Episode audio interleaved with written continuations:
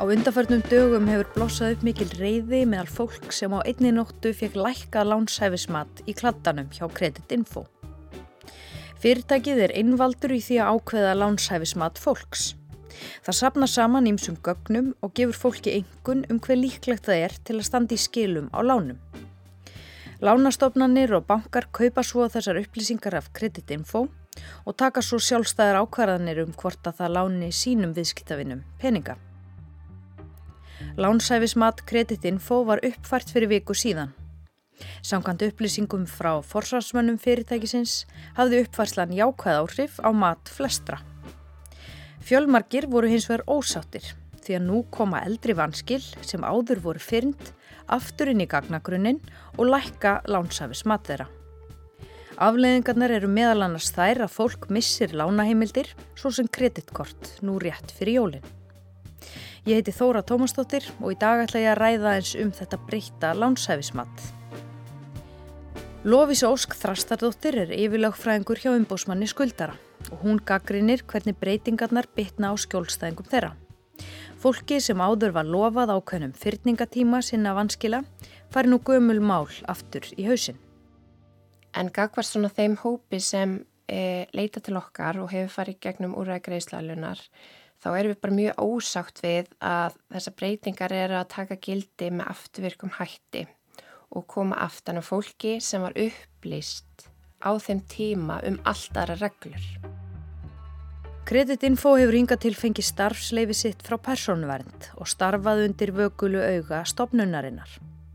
Helga Þóristóttir, forstjóri personverndar, kallar hins vegar eftir því að fleiri komi að eftirliti með Kreditinfo við teljum það hvernig lánsæfi einstaklinga er metið á Íslandi vera starra mál heldur nega bara vera ákveðið á borði personvendar. Þetta er ekki fyrsta sinn sem að óanægu gætir með störf kreditinfo. Helgar segir personvernd ítrekkað hafa fengið til sín mál sem að varða starfsæti fyrirtækisins. Í úrskurðarsögu personvendar að þá hefur ansi oft verið kvartað yfir uh, fyrirtækinu og, og það hefur verið tekist á um hvort að eh, því sé heimilt að gera eitthvað eða ekki. Það er nýlega dæmum þetta frá því sumar þegar að, fyrirtæki fekk segt stóra fyrir skráningu smálana. Það, það hefur ansi oft verið tekist á um gráursvæðin í þessu umhverfi. Lofís Ósk segir að ennbætti umbóðsmann skuldara hafi sannarlega orði vart við óanægu með uppfærslu á lánshæfismatti kreditinfo. Embættinu er að berast ímsa e, kvartanir vegna breytrar framkvæmdar hjá Kreditinfo e, við gerð lánsæðismats eins og er búið að vera núna e, í mörgum fréttameðlum og við skiljum vel að, að margir eru ósáttir sem vöknuðu upp við það að lánsæðisengun þeirra lækkaði á einni nóttu og það er raun og verið þannig að semst, eftir þessa nýjustu uppfæslu hjá Kritinfo þá hafa fyrrum skráð vanskil og fyrrum skráningar inn, semst, fyrrum skráðar innkallanir vegna greiðslalunar áhrif til lækkunar í alltaf fjögur ár frá afskráningu.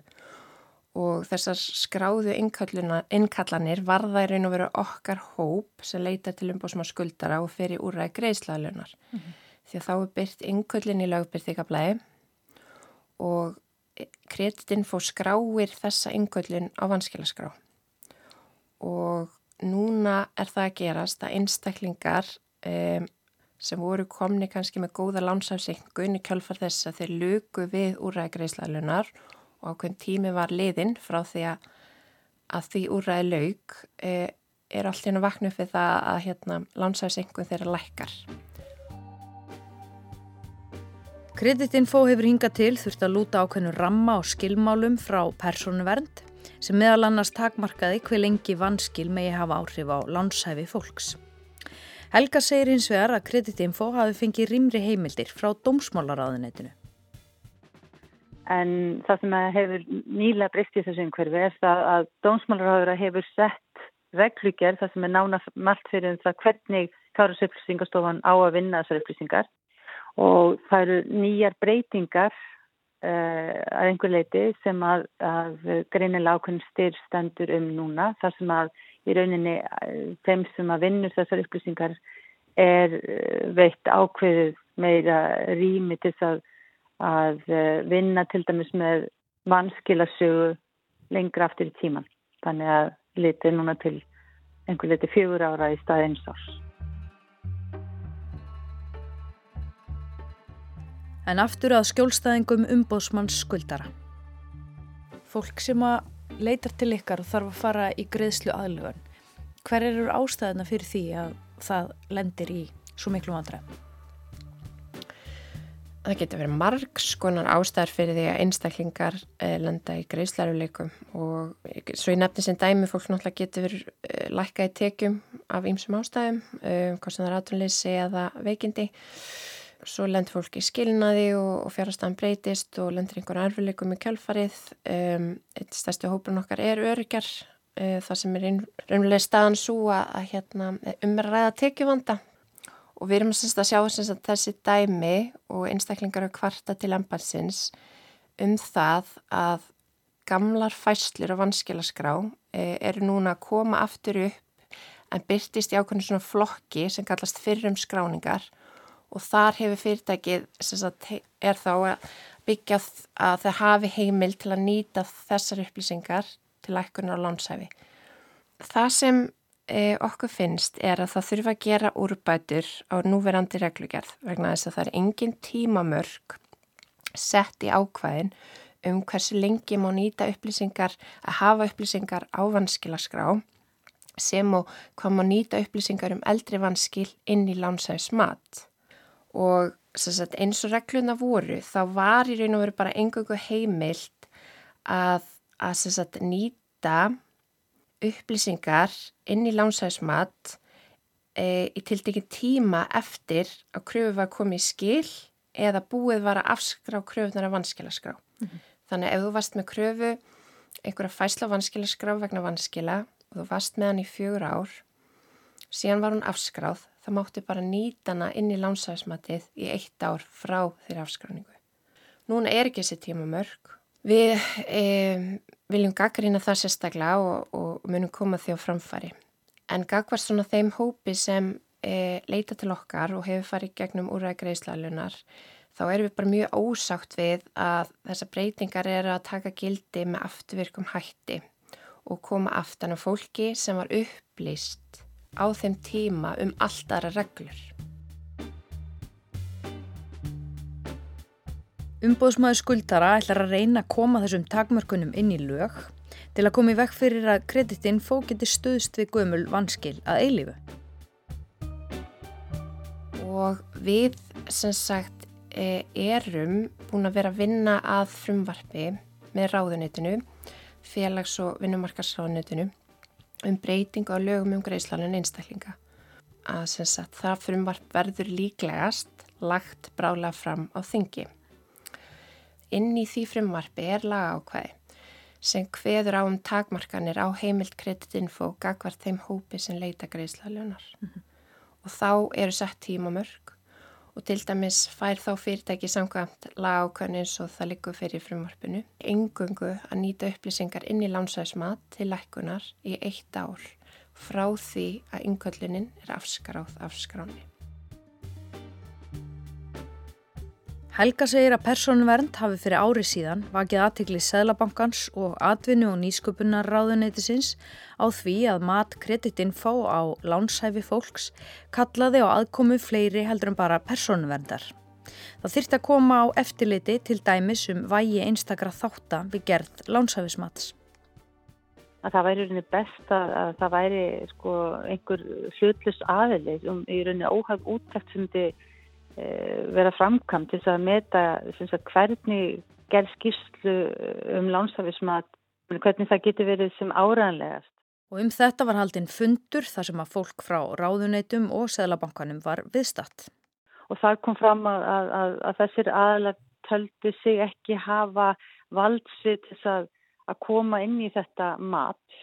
Og er þetta svona mál sem fellur millir stafs og bryggju? Það sem við erum bara búin að benda á er að okkar bara heiðalega mat er það að við teljum það hvernig lánsæfi einstaklinga er metið á Íslandi vera starra mál heldur en eða bara vera ákveðið á borði personvendar. Mm -hmm.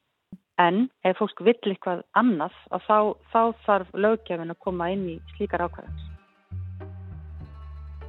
Lofísa Ósk segir að hjá umbóðsmanni skuldara sé tekið undir kröfur fleiri hagsmunasamtaka um hertara eftirlit með því hvernig lánshæfi fólks er metið. Það þurfi að vera eftirlitstæðli eða útæktar aðli á þessu tölfræði líkani sem Kritinfo notast við og við erum í raun og veru sammála því og höfum meitni verið þeirra skoðunar. Því að kreditinfo hefur raun og veru óskora vald til að ákveða vægi þeirra breytna sem lagðar er til grundvallar í þessu lónsæðismati og það er raun og veru engin eftirlisaðli að rína ofan í vægi hverra breytna og það þarf að vera meiri sko gegnsægi um aðferðafræðina Hvers vegna skiptir máli að hafa eftirlit með því hvernig kreditinfo býr til lánsæfismat? Já, um, kreditinfo tekur ákveðna þætti og ákveður vægi þeirra með tilliti til ákveðna tölfræði og upplýsinga um, um hvernig eigi að meta þessa tölfræði. Og þá erum við að tala um uh, búsetu, við erum að tala um fjölda skráða vanskila uh, vægi þeirra vanskila hjúskaparstöðu uh, hjúskaparstöðu. og bara tökum sem dæmi að það við komum að hafa leita greiðslalunar uh, sem er ofinbært úrræði fyrir fólki verilegum greiðslaluleikum framkvæmdinn hefur verið svo að jafnveg þótt einstaklingur hafi verið skilum en þurfi einhvað sér að leita þessa úrræðis vegna þess að hann hefur ekki lengur tökka á standa undir skuldbytningum sínum.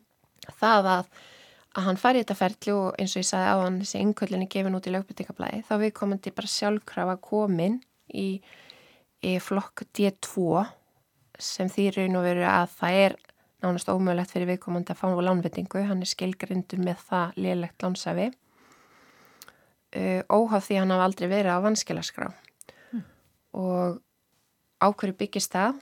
Þarna þýrti eftirlitsaðlega stíðin í við hvað er miðað og auðvitað er eðlilegt að, að séu tímamörk á öllu svona því að þetta varða lífhóks oft mikið undir. Og við höfum líka verið að sjá bara sem sagt það, fólk er ekkit endilega að stóla sér á lánvitingar, það er ímislegt undir þessum skráningum hjá Kritinfo eins og bara það að hérna ná samlingssambandi við nýjan leigusala sem kannski vil kanna ákveðna tri hjá Kritinfo og eitthvað slíkt þannig að hérna Og þetta er ekki bara við stóra fjárfestingar heldur líka bara reynilega varðandi húsnaði á legumarka. Já. Ræðum aðeins um þessa breytu sem að þeir setja til grundu allar eh, lánsæfismati tilgreina búsetu. Mm -hmm. Hvernig getur það haft áhrif á lánsæfismat mitt hvar ég bý í borginni til dæmis? Já, þetta er auðvitað spurning fyrir kretin fór svara en eins og mér skilst að þeir, það sem þeir byggja á er að þeir eru með einhverja tölfræði um að, fleiri einstaklingar séu vanskilum sem búa ákveðnum stað og það hafi ákveð vægi inn í lánsæðismatið og svo ákvað þeir auðvitað bara hversu mikið vægið það hefur. Auðvitað þýrt einhver að rína í þetta því að annars ertu með fyrirtæki sem er einfallega bara stjórnar þessu og, og getur þar alveg haft svona mikil áhrif á lífhóks. Ég fyrir þótt að sé ákveðin rammi eins og með þessar reglugjær um, þar skildur sem kvíla fyrirtækinu og, og hvena bera hérna, afskrá og eigða og slikt, þá er þetta alveg undanskilið og það er það sem er svo sérstænt. Og svo er hér að lokum ábending frá Lófisu Ósk til fólk sem að máli varðar að samkvæmt nýju reglugerðinni þá er fólk rétt á að fá að vita á hverju lánshæfismates byggir. Einstaklingar geta lagt inn beðni til Kretinfo um að fá upplýsingar um vægi einstakara breytna við útreining á líkindum í skýslum lánshæfi og þau rauk sem liggja þar að baki. Mér skilst að það sé gegnum mína sér hjá Kretinfo sem það er gert og fengi betri upplýsingar. Þetta var helst hjá okkur í dag.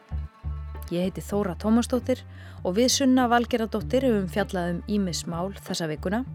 Morðóða konu í Kóreu, neyslu vatni í Vestmannegjum, gerfi verktöku í fjölmjölum og vilda vestrið í innheimtu bransanum.